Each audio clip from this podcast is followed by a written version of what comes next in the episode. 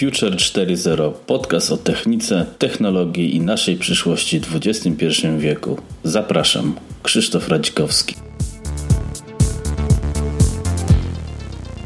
Dziś porozmawiamy o Uberze, czyli usłudze, która potencjalnie jest w stanie zastąpić taksówki, jak się mówi, choć osobiście wątpię, że na pewno je wyeliminuje. W niektórych kwestiach taksówki są naprawdę wygodniejsze, co nie zmienia faktu, że Uber ma w sumie przynajmniej dla mnie więcej zalet niż, niż wad. Co więcej, istnieją też usługi konkurencyjne dla Ubera, ale nie w Europie, na przykład Lyft. Tak więc, czy ten Uber jest taki zły, a może jest jednak dobry?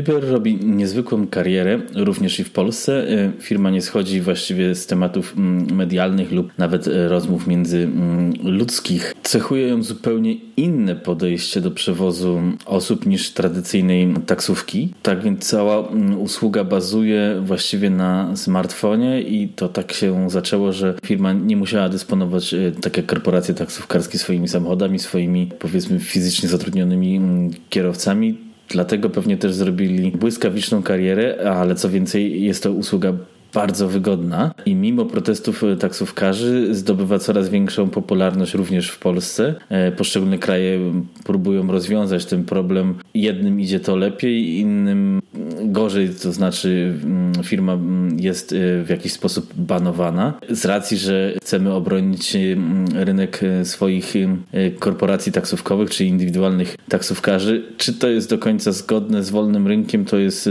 drugie pytanie. Czy to jest dobre? Tak i nie nie, poniekąd próba obrony tra tradycyjnego podejścia no, ma jakiś faktycznie sens, ale jednocześnie nie możemy postęp zatrzymywać postępu, a de facto klient y, decyduje, y, co dla niego jest lepsze, czy, czy ten przysłowiowy Uber, y, czy taksówka, gdyż docelowo ważny jest, ważny jest komfort danej osoby, a, a nie utrzymywanie na siłę pewnych instytucji, przynajmniej tak na logikę. Wobec tego wydaje się, że moda na Ubera i usługi tego typu jest trendem nieodwracalnym a dlaczego tak jest? Po pierwsze, Uber jest dużo wygodniejszy w użyciu. Wystarczy mieć smartfona, zarejestrować się, połączyć konto na przykład z PayPalem i już bezgotówkowo możemy obsługi- no, przewieźć się po prostu, przejechać z jednego punktu do drugiego. Jest bardzo łatwy wybór pojazdu, są tam różne funkcje Ubera. W Polsce nie jest to, to wszystko dostępne, ale generalnie jeśli potrzebujemy większy samochód, też jest e, taka opcja e, w Uberze zamówić. Można wybrać sobie kierowcę, można go ocenić. Tak samo kierowca może ocenić pasażera, więc jest to tak, bazuje na powiedzmy sieci społecznościowej, co w tradycyjnych taksówkach jest raczej nieosiągalne. Co więcej, zamawiający z nas góry trasy przejazdu oraz cenę za kurs, która na ogół jest troszeczkę niższa e, na, na koniec rozliczenia. I do, jak wspomniałem, odbywa się to bezgotówkowo, więc ciężko być, można powiedzieć, zrobionym kolokwialnie w balona, co zdarzało się przy tradycyjnych taksówkach, szczególnie dla osób spoza miasta. Tego typu pytania, którędy jechać, jak pan uważa, no to, to jest tutaj nie ma takiego miejsca. Po prostu z góry wiemy, jak to się będzie odbywać i z góry po prostu w aplikacji podajemy adres, gdzie chcemy jechać i, i to wszystko się dzieje automagicznie. Od razu widzimy, gdzie samochód podjeżdża w czasie rzeczywistym, więc no to jest rewelacja. Nie trzeba czekać na jakiegoś SMS-a z powiadomieniem, że kierowca już czeka, czy wychodzić dwie minuty wcześniej, żeby być już przygotowanym. Są też oczywiście wątpliwości w kwestiach na przykład wypadków. Kto jest odpowiedzialny, jeśli się zdarzy nie taki nieszczęśliwy wypadek za tego pasażera, gdyż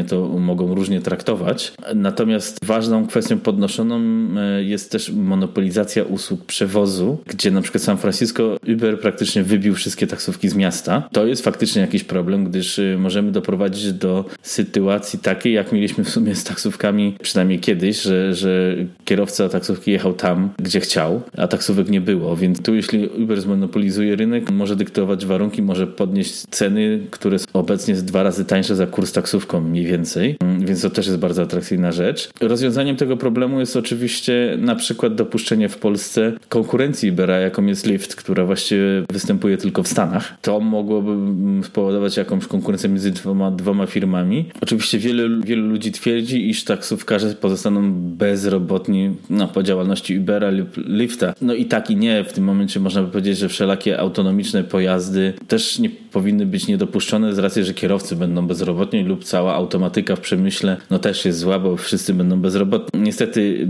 taka jest jakaś cena postępu, a jak się okazuje czasem jednak te osoby albo się przekwalifikują, albo znajdują zatrudnienie w nowych dziedzinach życia, które się pojawiają. Tak więc no nie do końca widziałbym to w takich czarnych scenariuszach. Co więcej, przy rozmowie z kierowcami Ubera można się na przykład dowiedzieć, że część taksówkarzy po godzinach jeździ już jako kierowcy Ubera, więc oficjalnie e, są protesty i są nieprzyjemne sytuacje, na których właściwie to czerpią pasażerowie uczestnicy ruchu. To na pewno nie przyspoża im fanów e, w tej walce z Uberem. Walkę można przeprowadzić chociażby przez taką usługę jak jest MyTaxi, ona chyba w Polsce jest tylko dostępna w Warszawie, która działa powiedzmy też na zasadzie aplikacji i to też odbywa się wszystko ze smartfona. Jest to bardzo fajne rozwiązanie i ja osobiście na przykład nie zawsze korzystam z Ubera, często często jeżdżę, gdyś jest wygodniej, nawet jeśli się jedzie na lotnisko o 5 rano, zawsze jakiś Uber gdzieś tam w okolicy się dzieje. Paradoksalnie y, jest łatwiej go zamówić niż y, oczekiwać na taksówkę lub zamawiać ją dzień wcześniej, gdzie nie zawsze można zamówić, nie wiadomo czy będzie, nie wiadomo y, czy będzie za ile minut. Tu mamy wszystko podane na tacy. W każdym razie sposób na konkurencję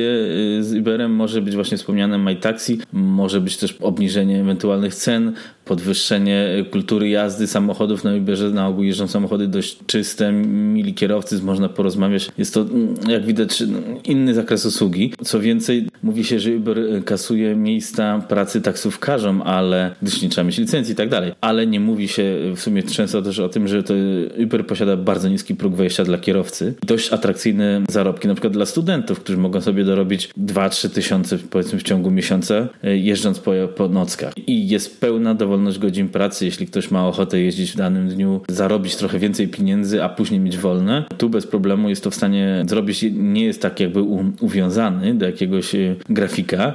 W Polsce nie ma możliwości jeszcze atrakcyjnego leasingu pojazdów, który jest na przykład w Stanach, co też słyszałem, że można się na tym przejechać, gdyż e, no, nigdy to nie jest tak, leasing nigdy nie jest taki piękny, jak się e, wszystkim wydaje, ale jest to jakaś opcja dla ludzi, którzy chcą się bardziej w to pobawić, że można mieć fajny samochód przez usługę Ubera. Dodatkowo też kierowcy mówią, że na przykład starsi, że dla nich jest to jakaś forma rozrywki, poznanie ludzi, oderwanie się od szarej rzeczywistości, a dla części osób może być po prostu możliwością dorobienia do swojej pensji, więc ten Uber nie ma takich totalnych złych, powiedzmy, minusów, masło maślane. Zawsze możemy pomyśleć o stworzeniu alternatywy, atrakcyjnej alternatywy dla Ubera dla obu stron kierowców i pasażerów. Być może można też pomyśleć ewentualnie na takim polskim startupie, który mógłby opierać się właśnie na, tego, na podobnej usłudze i ewentualnie wykorzystywać e, no, te polskie samochody, które niby mają być elektryczne, więc e, lub ewentualnie można e, podpisać umowy z firmami, które w Polsce produkują samochody, niech to będzie Fiat 500, no to jest akurat dwudźwiowy, ale no ale przykładowo, czy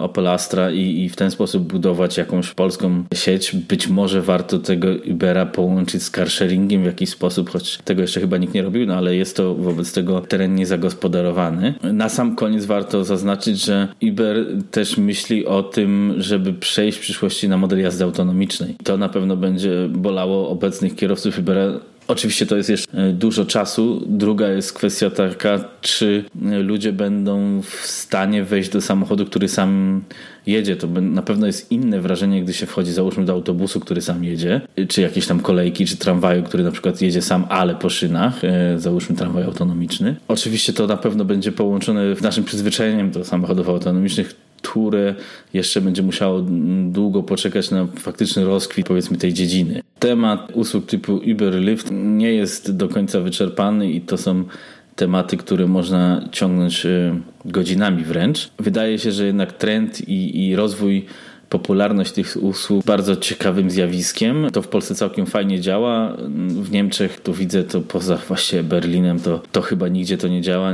Nie ma, nie wiem, czy przyzwolenia, czy ochoty na wprowadzenie e, czegoś e, powiedzmy tak innowacyjnego lub w tej formie innowacyjnego. Cieszmy się, co możemy wykorzystać w naszym kraju, co nie wszyscy mogą w Europie. Dziękuję za wspólnie spędzony czas. Zachęcam do subskrypcji oraz oceny podcastu na platformie iTunes. Notatki do odcinka znajdziecie na stronie krzysztofradzikrowski.com.